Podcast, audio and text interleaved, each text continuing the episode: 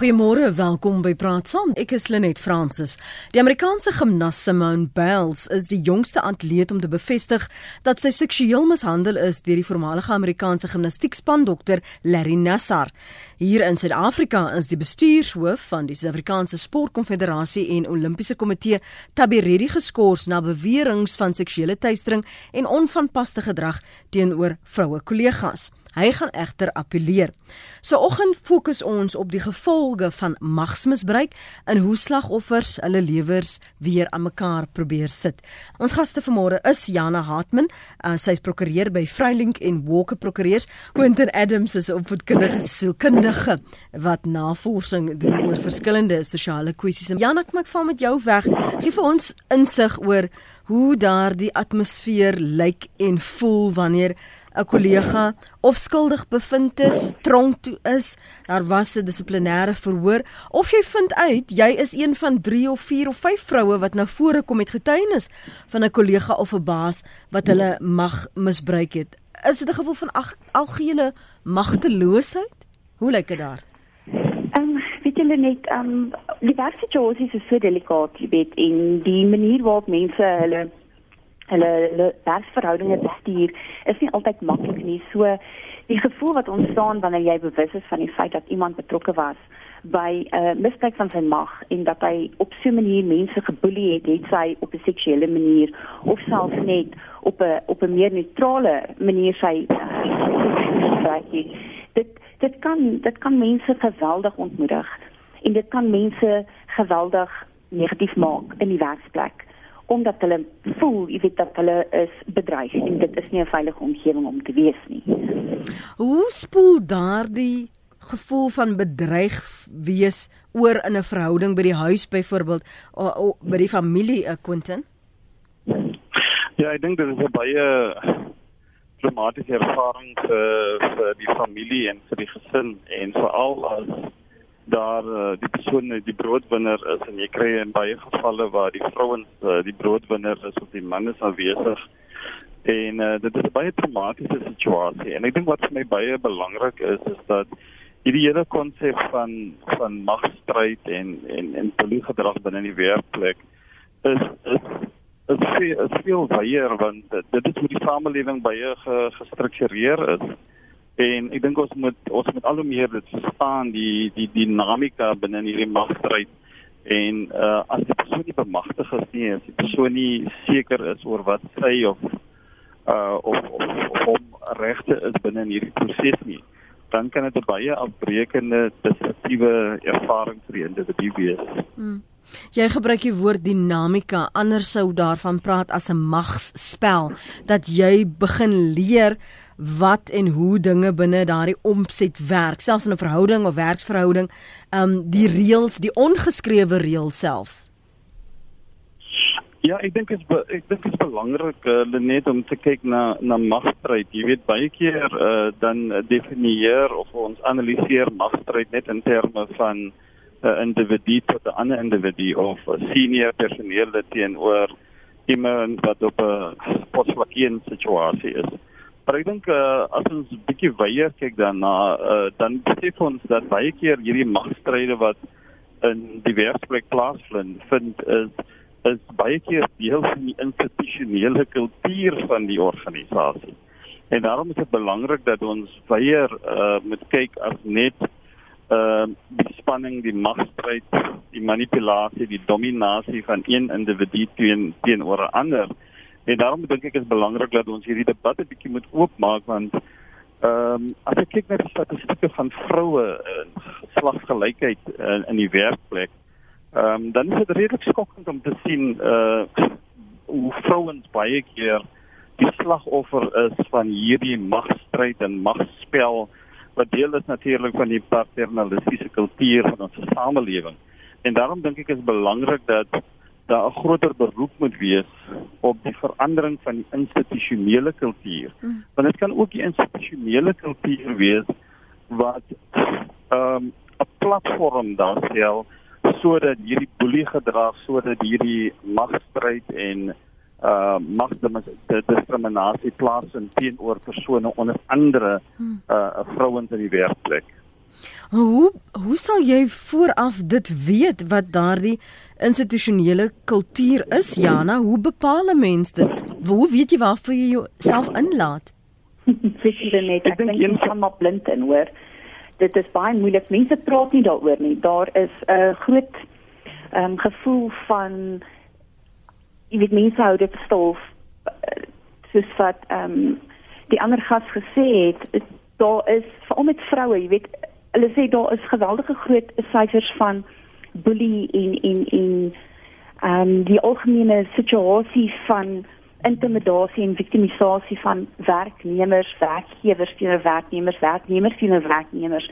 Maar vrouens lyk nog steeds as hulle in die kortste intrek en hulle is ook die wat die minste geneig is om dit te rapporteer. En nou gaan jy in 'n maatskappy in en jy verstaan nie regtig die kultuur nie tensy jy met mense begin praat, jy weet, en jy soort van nou al hulle vertroue gewen het. Want dis nie 'n ding wat sommer net reguit vir jou gesê word, hoor jy, wees versigtig as jy vir daai maatskappy gaan werk. Hierdie mense is geneig om dit te doen of dit. Daar is baie keer goed wat so 'n soort van ehm um, deur die ehm um, samelewing of opgetel word, jy weet dat mense nou begin praat oor 'n maatskappy en hulle sê dat hierdie maatskappy het 'n reputasie vir die volgende en gewoonlik ek ek en jy weet albei waar daar rookie jy weet trek is daar gewoonlik 'n vuurtjie. Maar dit is bitter moeilik vir jou as jy in 'n werksituasie instap om te weet of jy blootgestel gaan word aan so 'n situasie. So die beste wat jy kan doen om jouself weerbaar te maak is om jou regte te verstaan te weet wat jou posisie is en wat jou te doen staan indien jy wel in so 'n dinamika vasgevang sou word. Hmm. Quentin, jy wil jy wou sê? Ja, nee, ek wil net gesê dat, dat ek dink dit is belangrik dat ons die institusionele kultuur van 'n organisasie met krities evalueer.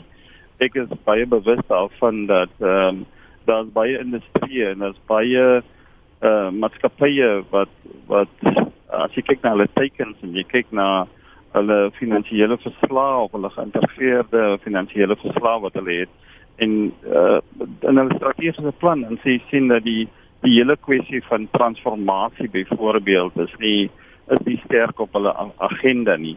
En ek dink dit is hierdie tipe van uh, analises wat ons moet maak. Die ander uh, situasie is om te kyk na die reputasie ehm um, van die maatskappye.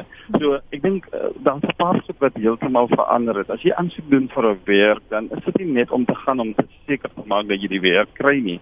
Maar ek dink uh, daar daar daar word van jou vereis 'n groot verantwoordelikheid om die om krities na die maatskappy te kyk, om te kyk na wat is die missie van die uh maatskappy, wat is sy reputasie daar buitekant in die in die, die breër samelewing? En op grond van dit kan jy dan 'n baie beter posisionering ehm um, ingaan ten opsigte van wat gaan gebeur by die by die spesifieke maatskappy. Hmm. Een van die luisteraars het intussen vinnig vir my 'n SMS gestuur hierso op ons SMS lyn. Hy of sy sê ek neem aan dis 'n man. Ek werk saam met baie vroue en het heelwat onder my. Goue reël is hou jou afstand met geen fisiese kontak of gesprekke van sensitiewe aard nie. Uh, een van die luisteraars sê die praatery en gekykery help nie veel nie. Optree en doen help, sê SP. Maar die uitdaging is dat dit nie altyd so maklik is om te doen nie, want doen vra bewyse die wat beweer moet bewys, Jana. Ja nee, dit is baie korrek net. Ehm um, kyk, en daar is 'n situasie daar dat as jy in isolasie geplaas word en dat ander mense byvoorbeeld in jou werkskonteks sê hulle ondergaan dieselfde tipe van duistering, maar hulle word geïsoleer en niemand praat daaroor nie. So jy voel jy's die enigste ene. Daar is gewoonlik maatreëls in plek, jy weet, gewone arbeidsregtelike maatreëls in terme van die arbeidswet, en die wet op gelykheid en daar selfs 'n wet wat ingebring is vir die beskerming teen duistering wat mense kan gebruik as 'n stelsel om hulle self te beskerm en om hulle situasie in hulle werksplek te stabiliseer. Maar elkeen, jy weet, elke elke aksie het 'n teenreaksie. Dis net maar net die die natuur en hoe die lewe werk. Daar moet gedink word aan, jy weet, in die konteks wat wat staan jou te doen? Is daar middele vir jou geplaas in die werk om dit te kan rapporteer? Is dit iemand wat jy kan vertrou, wat jy in jou vertroue kan neem? Gaan jy verder geviktimiseer word indien jy wel so iets sou rapporteer? Jy kan buite die ehm um, werksplek gaan vandag kan 'n mens nou al na die eh uh, kommissie vir konsiliasie en arbitrasie gaan. En jy kan nou al 'n ehm uh, 'n onregverdige arbeidspraktyk rapporteer en dan is die maatskappy onder 'n plig om die klag te ondersoek intern.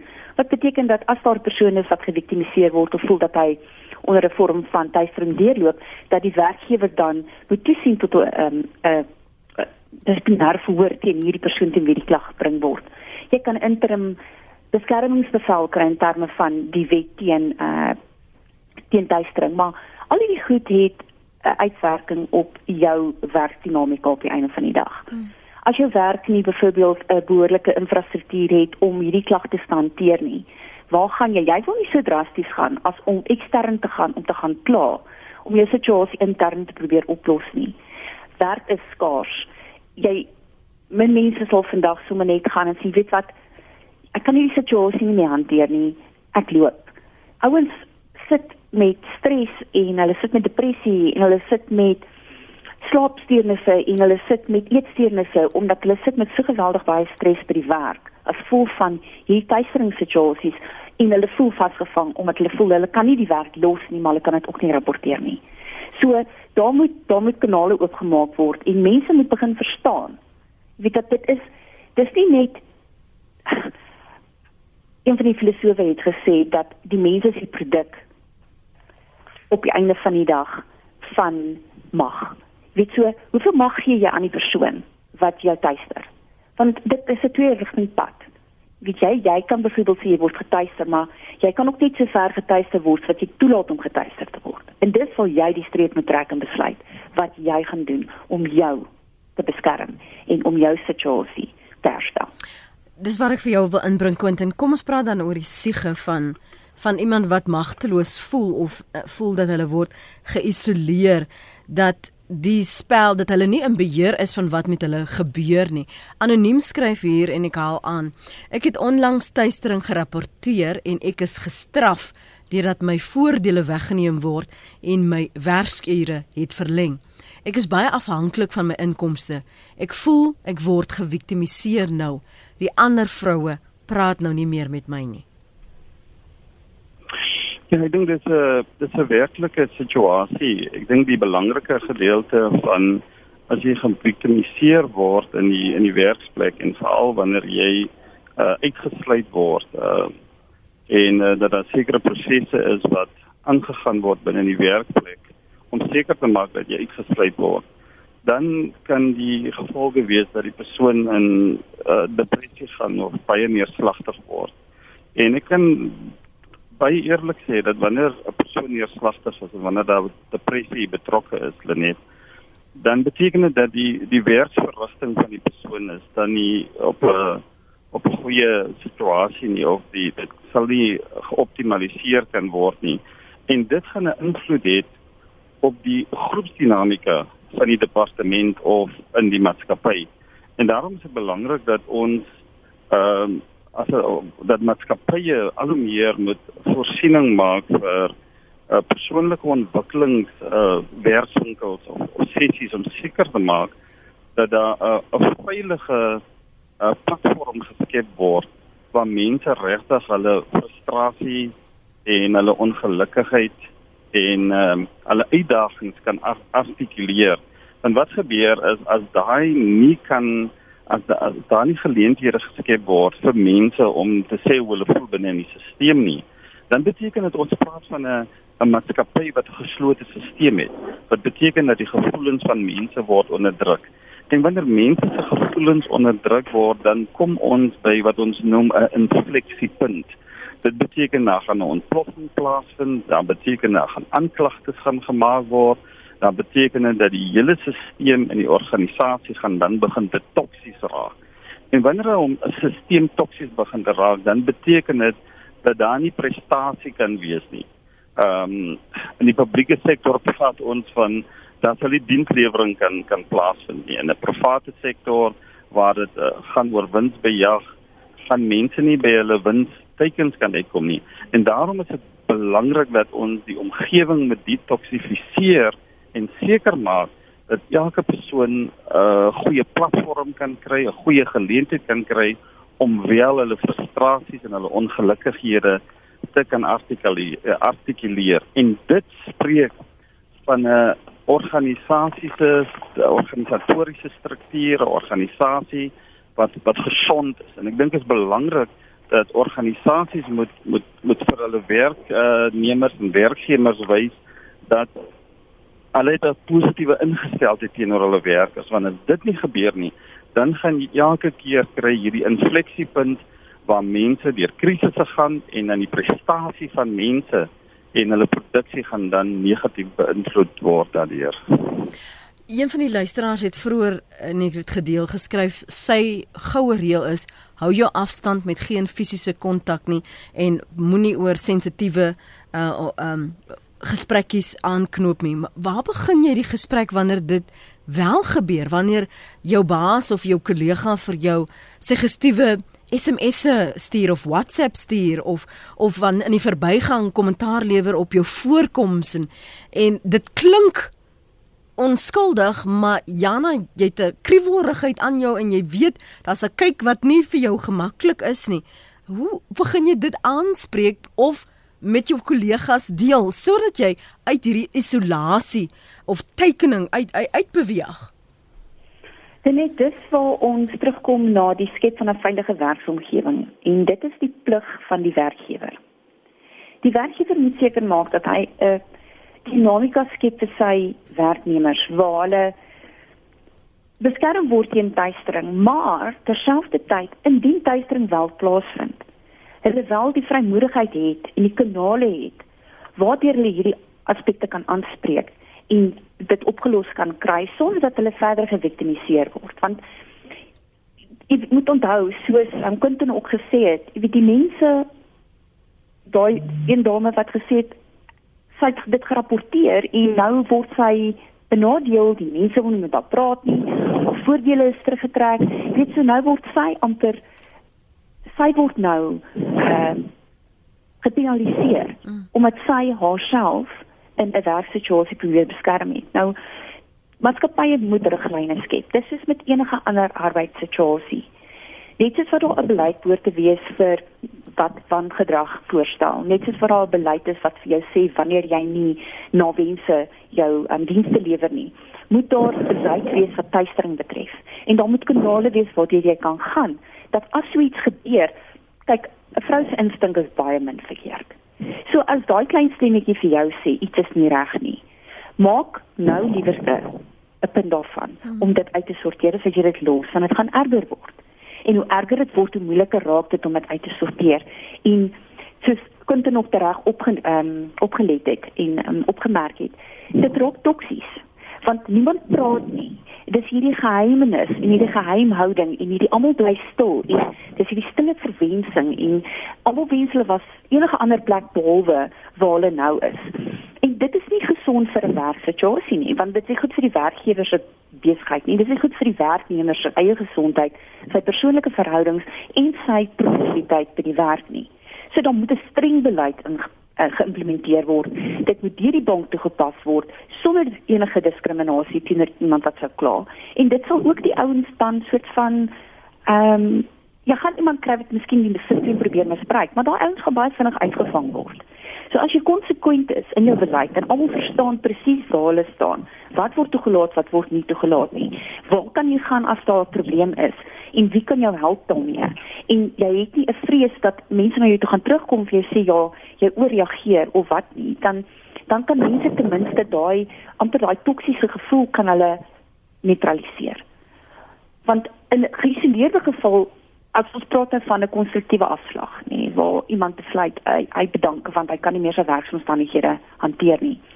Dis bitter moeilik vir iemand as 'n werknemer om dit te bewys by die kommissie vir rekonsiliasie en arbitrasie. Hmm. So jy wil nie in 'n situasie geplaas word waar jy moet bedank omdat jy voel dat jy uitgewerk word of dat jy voel dat jy word op so 'n mate getuister dat jy dit nie meer kan hanteer nie, want die onus rus op jou om te bewys dat jou omstandighede onuithoudbaar geword het. So intern die maatskappye, dit is so belangrik dat maatskappye moet bedag wees op wat aangaan tussen hulle werknemers en ja, horisontaal en vertikale verhoudings in daai maatskappy. Want dit dit het hardloop holisties deur in alles wat gedoen word op 'n van die dag. Anoniem skryf hier: Ek het een keer 'n geval gerapporteer waar ek gesien het hoe die bevelvoerder en sy vrou onregmatig opgetree het. 'n Paar dae later het iemand gekom om die saak te ondersoek, maar nie oor die wandade nie, maar om uit te vind wie die oproep gemaak het. En dit is duidelik gemaak dat die persoon goed opgede gaan word. Natuurlik het daar toe niks van gekom nie en hulle het ook nie hulle gedrag aangepas nie. En dit is een scenario. Ons praat oor wanneer jy in isolasie is, wanneer jy die regte ding probeer doen, wanneer jy dit wel rapporteer. En ons het nou gepraat oor die werksomstandighede, maar hoe affekteer dit jou as jy in 'n huwelik is en en dis byvoorbeeld seksuele teistering Quentin? Hoe sê jy vir jou lewensmaat? Wat besig is om te gebeur. Hoe skep jy daai ruimte van veiligheid eh, om te sê ek het nie bewyse nie, maar dis hoe die persoon my laat voel of wat hier gebeur. Ja, ek dink dit is 'n baie moeilike situasie want dit hang af van die kwaliteit van die huwelik eers. Wow. As daar as daar striweling in die huwelik is en daar is ehm uh, wanvertroue in die in die huwelik, ehm um, en die vrou kom na die man toe en sê vir hom dat daar's probleme by die werk, ehm um, dan kan ek uh, op hierdie stadium sê dat dit baie moeilik gaan hanteer word want wat gebeur is daar sal reeds 'n klimaat van van wantroue binne in die huwelik. En daarom is dit belangrik dat ons kyk gewoonlik net na hierdie uh oortreder slagoffer dinamika. Maar daar is ook 'n ander uh stelsel wat betrokke is en dit is die ons noem dit die die die die stille gemeenskap, die silent community. Dit is die mense wat wat weet wat gebeur. En daarom dink ek 'n baie belangrike gedeelte in die rapportering van die saak is of die persoon wat dit rapporteer of die vrou wat dit rapporteer, hoe bemagtig is sy in die hele proses van die die bekendmaking van wat wat wat een van die belangrikste gedeeltes is is dat sy met nou die kode van stilte met sy nou breek en hierdie code of silence hierdie kode van stilte is is baie keer uh so deel van die institusionele kultuur van die organisasie. Ehm um, dat dit dit dit dit verg regtig vir kragtigheid resilience, vir kragtigheid om deur daai kode van stilte te gaan en om mense te vertrou om seker te maak ehm um, dat ek vertel wat regtig met my gebeur. En daarom dink ek is dit belangrik dat daar moet 'n ondersteunings uh groepering wees. Ehm um, vir die individu uh wanneer die vrou na die na die man toe gaan, moet daar mense wees met wie sy dit uh, deurgepraat het en en en sy moet gesterk word, belangrik en sy moet bemagtig word. Want wat gebeur is assertiwiteit is 'n belangrike gedeelte in die proses van bekendmaking.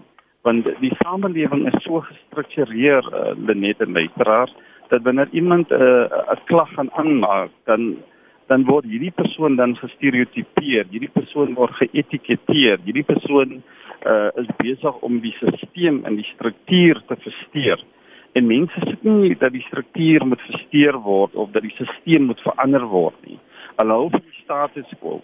En daarom ek dink ek is dit belangrik dat wanneer 'n vrou na 'n man toe gaan of wanneer 'n vrou dit in die organisasie bekend maak, dat sy baie sterker moet wees, sy moet haar voorberei, sy moet weet wat is die gevolge daarvan. En jy kry in baie gevalle ook wanneer selfs in hierdie ehm um, verkrachtingsake wanneer 'n kind gaan en sy meld dit aan dat die uh, pa of die stiefpa vir haar betas. Dis ook 'n magspel. Want want wat gebeur is hierdie kind met nou teen 'n groter mag optree. En wanneer ons kyk na magverhoudinge, uh, hierdie man het 'n verhouding met die vrou en hy is die hy het die inkomste en hy ja, vir die huishouding, dan is dit baie moeilik vir hy kind om dan hierdie saak te kan rapporteer van wat gebeur is die struktuur en die stelsel moet verander word. En daarom dink ek is baie belangrik dat uh ek is 'n groot voorstander dat vrouens meer bemagtig word, dat hulle meer assertief moet wees en meer veerkragtig uh, wees en daai gaan gepaard met 'n goeie stelsel en met goeie opleiding en goeie kennis en goeie sosiale vaardighede sodat hulle hulle self kan laat geld en baie belangrik dat hulle platforms geskep moet word sodat hulle hulle stem kan laat geld uh binne in die werksplek en veral wanneer dit kom by seksuele teistering. Want die hele wêreld is gestruktureer rondom mag. Jy kry mag in die werksplek jy kry mag in die familie jy kry mag in onderwys en politiek en globale politiek. En dit is belangrik dat as jy um dit wil bekend maak of hierdie kode van stilte wil breek, dan jy seker maak dat jy bemagtig is, dat jy assertief moet wees en dat jy verskriklik veerkragtig is om hierdie situasie aan te spreek. Um, ek sien 'n paar van hulle van die luisteraars sê Die rede waarom vroue dit nie rapporteer nie is omdat uh, sommige self uiteindelik die beskuldigdes word en daar word gevra waarom die kleinigheid dan jy moet dit voorkom het deur jou gedrag. En nog een sê my husband is currently a victim uh, of a woman laying fabricated charges against him. I fortunately witnessed, witnessed her first outburst. I stand by my husband and support him. I will not her, allow her to achieve what it is that she wants and it's his position as regional manager. Um en dan is daar nou ongelukkig nou nie ten volle hierson ek sien dit 'n grepe en jammer daaroor luisteraar maar dankie dat jy dit vir my aangestuur het. O, hier's daar nog 'n stukkie dig a hole for another and you will fall in it yourself. Work want nothing to do with it. They say it's between dit waarskynlik tussen uh, die haar man en die vrou. Um as jy saam wil gesels vanoggend oor die gevolge van magsmisbruik en hoe die aanpassings jou lewe 'n uh, impak het daarop of dan nou ont, verontrief het of hoe jy dit weer aan mekaar moes sit dan wil ek graag van jou hoor. En baie dankie dat jy teruggebel het. Sydney, môre. Môre Renet. Hoorie so, wat van 'n um, magsmisbruiking van van loon? Van loon ja. Ja, mense wat wat onderbetaal word en as jy begin opskop en daar teen die universumstelsel dan uh, word jy nou uitgedruk en daar word druk op jou geplaas. Wat van dit? Ja, nee, ek dink dis absoluut ter sprake is dit nie. Dankie dat jy dit uh, op die tafel plaas. Jana, dalk wil jy daarna verwys. En want mense sien dit ook wanneer uh, in by by as net 'n doodgewone werksverhouding jy hoef nie in 'n maatskappy te wees nie. Sê byvoorbeeld ons hoor dikwels van ons uh, siele op wiele wat sê ehm um, daar word vir hulle gesê die werk is skaars, jy moet maar uh, jou mond hou, hou jou bek en vat wat jy kry want jy weet nie waar jy dit môre gaan kry nie of 'n dinamika waar jy 'n uh, werk ehm um, ehm um, huishulp is en nie die moed het om te gaan vra want die taxi geld is nou meer en jy het nou minder geld aan die einde van die maand nie want dan gaan net vir jou gesê word daar's ander mense wat ook 'n job soek. So Jana, kom ons praat oor die weerhouding en die manipulasie van loon as, as deel van daardie uh, magsmisbruik?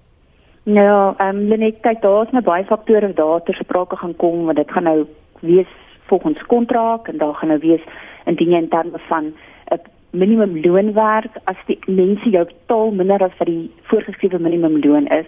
Ek sal ek sê daar's 'n plig op jou om te gaan na die ehm um, kommissie of na die industrie se ehm um, forum en hulle dit te rapporteer as 'n onbillike arbeidspraktyk want eh, dit is 'n verbreeking van 'n wet op die einde van die dag wat nie net jou gaan affekteer nie dit gaan baie ander mense affekteer. So dit moet aan die lig gebring word.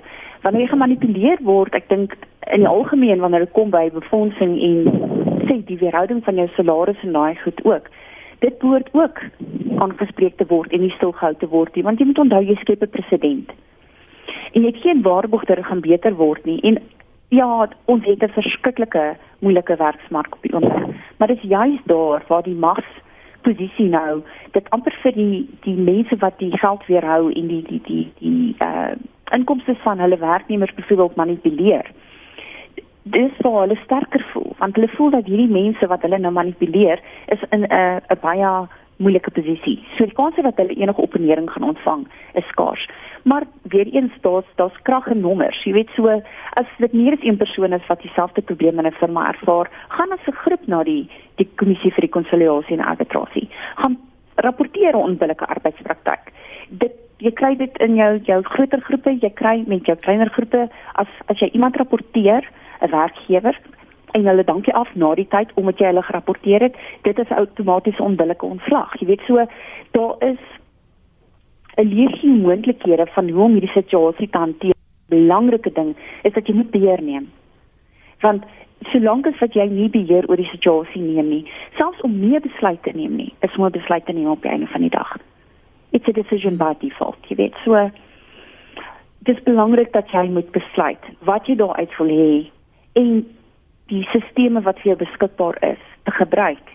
Want bullies, hulle hulle gaan aanhou boelie en hulle gaan nie ophou boelie totdat hulle in die bek geruk word nie.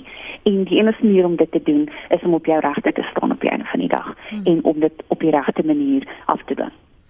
Vinnig van jou kant Quentin, iets wat jy wil byvoeg voor ons 'n breek neem? Ja, ek dink dit belangrik uh, Lenet is die uh, bemagtiging wat ek wil beklemtoon, maar daar's ook 'n uh, ander faset wat ons veral kry in die politiek, ons noem dit koalisiepolitiek.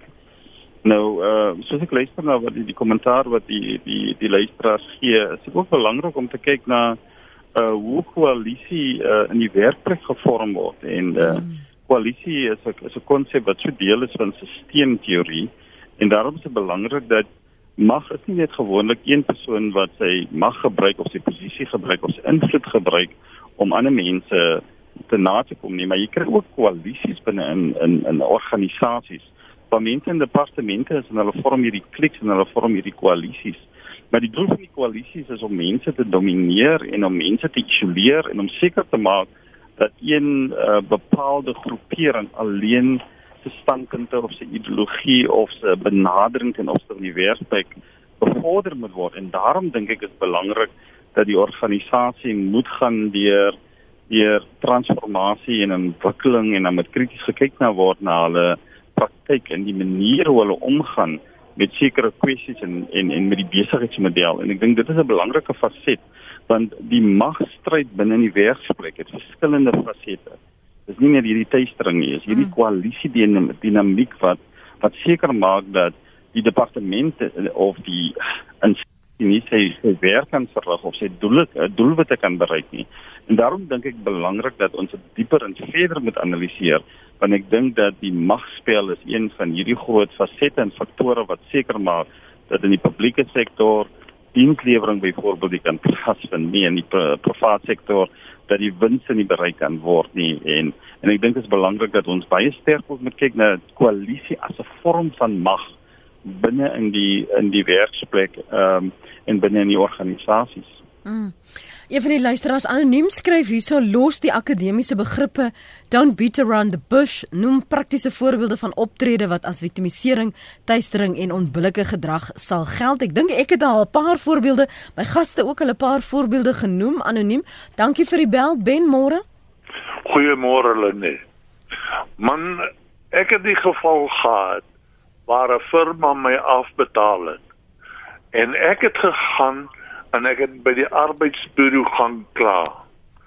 Hulle sê hulle sal die saak opvat en hulle het die saak opgevat en ek het vir hulle gaan sien toe self vir my ja, jy moet dit verstaan. As jy nou uh, teruggaan na die firma toe, gaan jy net so gelukkig wees of gaan jy ongelukkig wees? Gaan hulle jou nie dalk uh, manipuleer verder nie?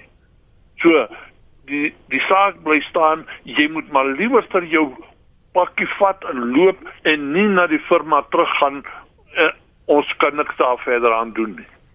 Dankie vir u mening. Janna, is dit ook 'n deel van van die tuistering nie dat dit hulle maak dit vir jou so ondraaglik dat jy nie daar wil wees nie, dat jy maar liewer geld vat of die pakket vat of sê ek sal liewer by die huis ongelukkig gaan wees, maar my siel kan ek nou nie meer so smoor nie.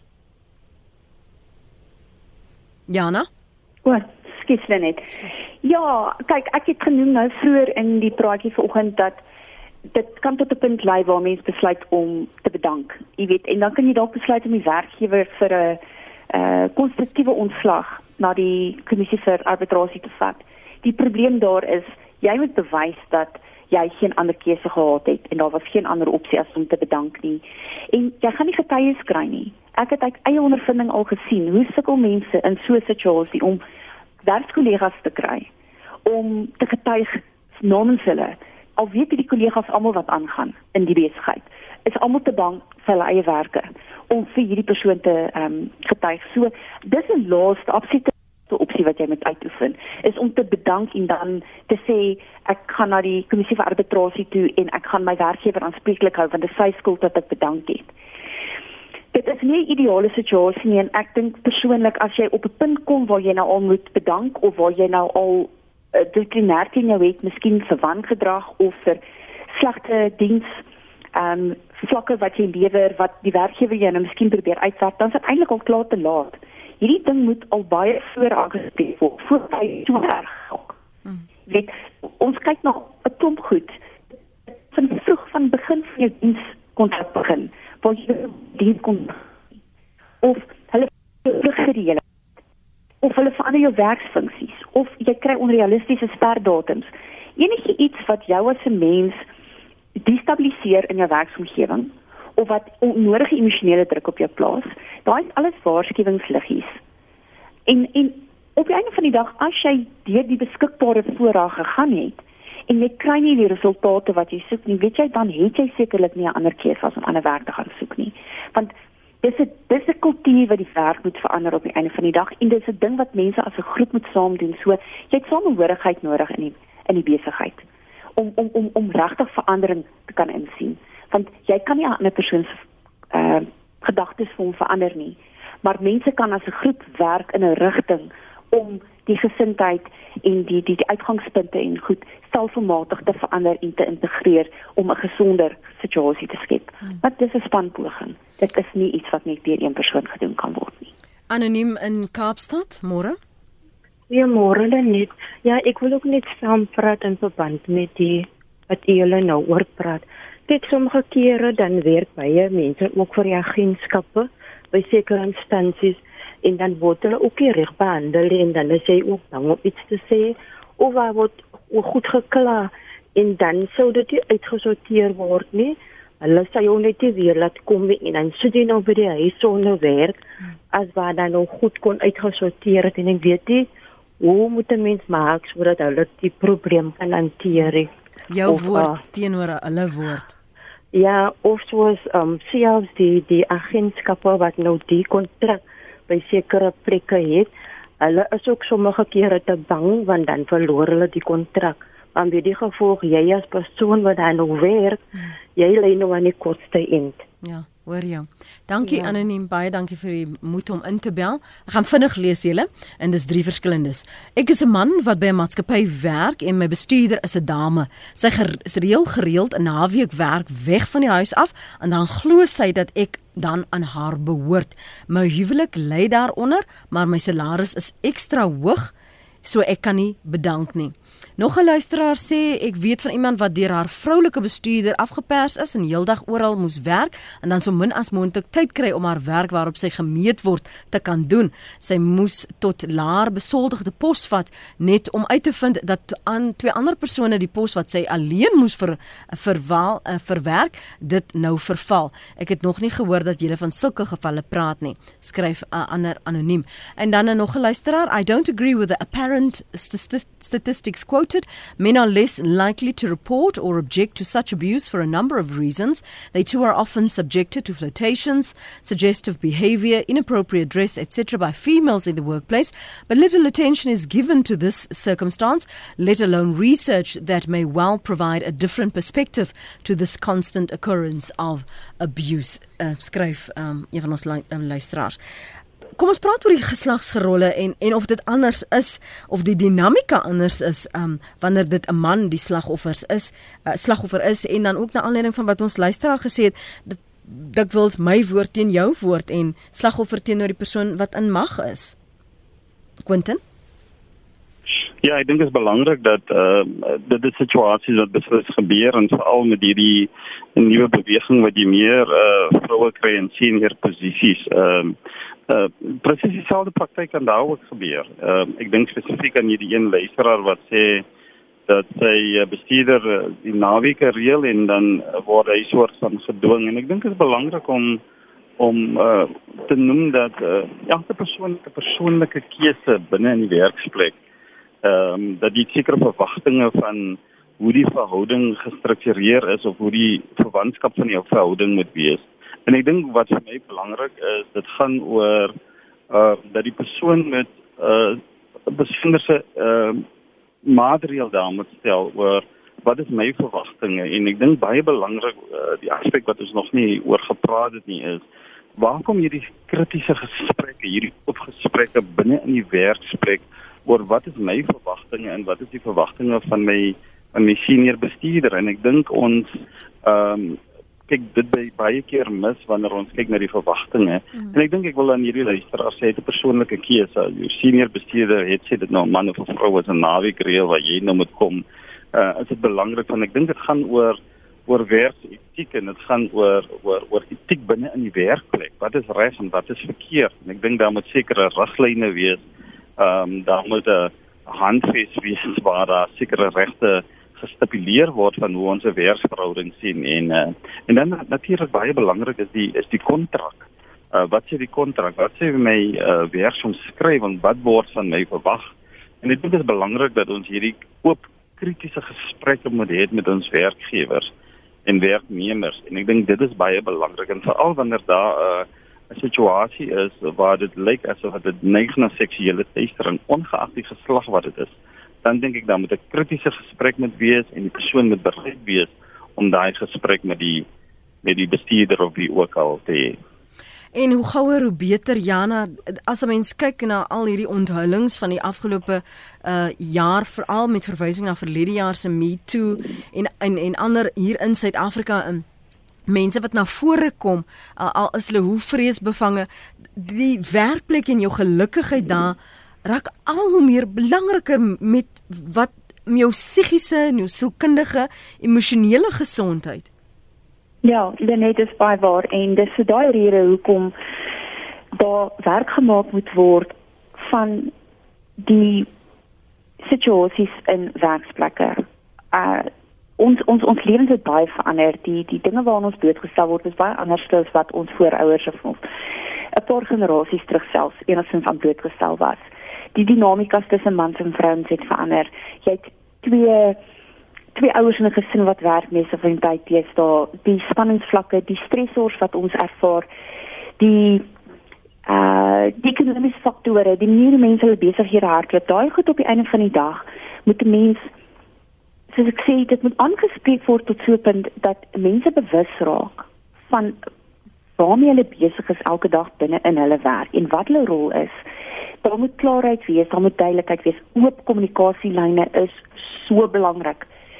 Kommunikasie is die is is die grondslag van enigiets, van enige verhouding of dit 'n werksverhouding is, interpersoonlike verhouding, wat die geval ook al mag wees. As daar nie gesonde kommunikasie is nie en as daar nie openlikheid en eerlikheid is nie, dan gaan jy nêrens kom nie, want dan gaan daar probleme ontstaan wat nie aangespreek word nie, want dis in die stilte, dis in die donker, dis in die hoek. Hmm. So vir mense vandag omdat hulle werke so belangrik is en hulle so baie tyd daar spandeer, is dit soveel belangriker dat hulle in 'n gesonde werksomstandigheid is. Want dit kring uit, dit affekteer sy gesin. As daai werknemer nie gelukkig is nie, hy vat dit huis toe. Ja. Sy familie, sy kinders, sy vrou, sy man, haar man ly daaronder. So op die einde van die dag is dit 'n daadwerklike poging wat in die belang van almal op die einde van die dag strek. Om seker te maak dat daai werksomstandigheid so gelukkig en so gesond en so holbaar as moontlik is. Oh, dit dit dit dit dit tot niemand se voordeel op die einde van die dag as jy sit in 'n sogenaamde siek werksituasie nie. Asai. Oh, dankie Jana Hartman en dankie Quentin Adams vir julle tyd vanoggend op praat saam. Waardeer dit.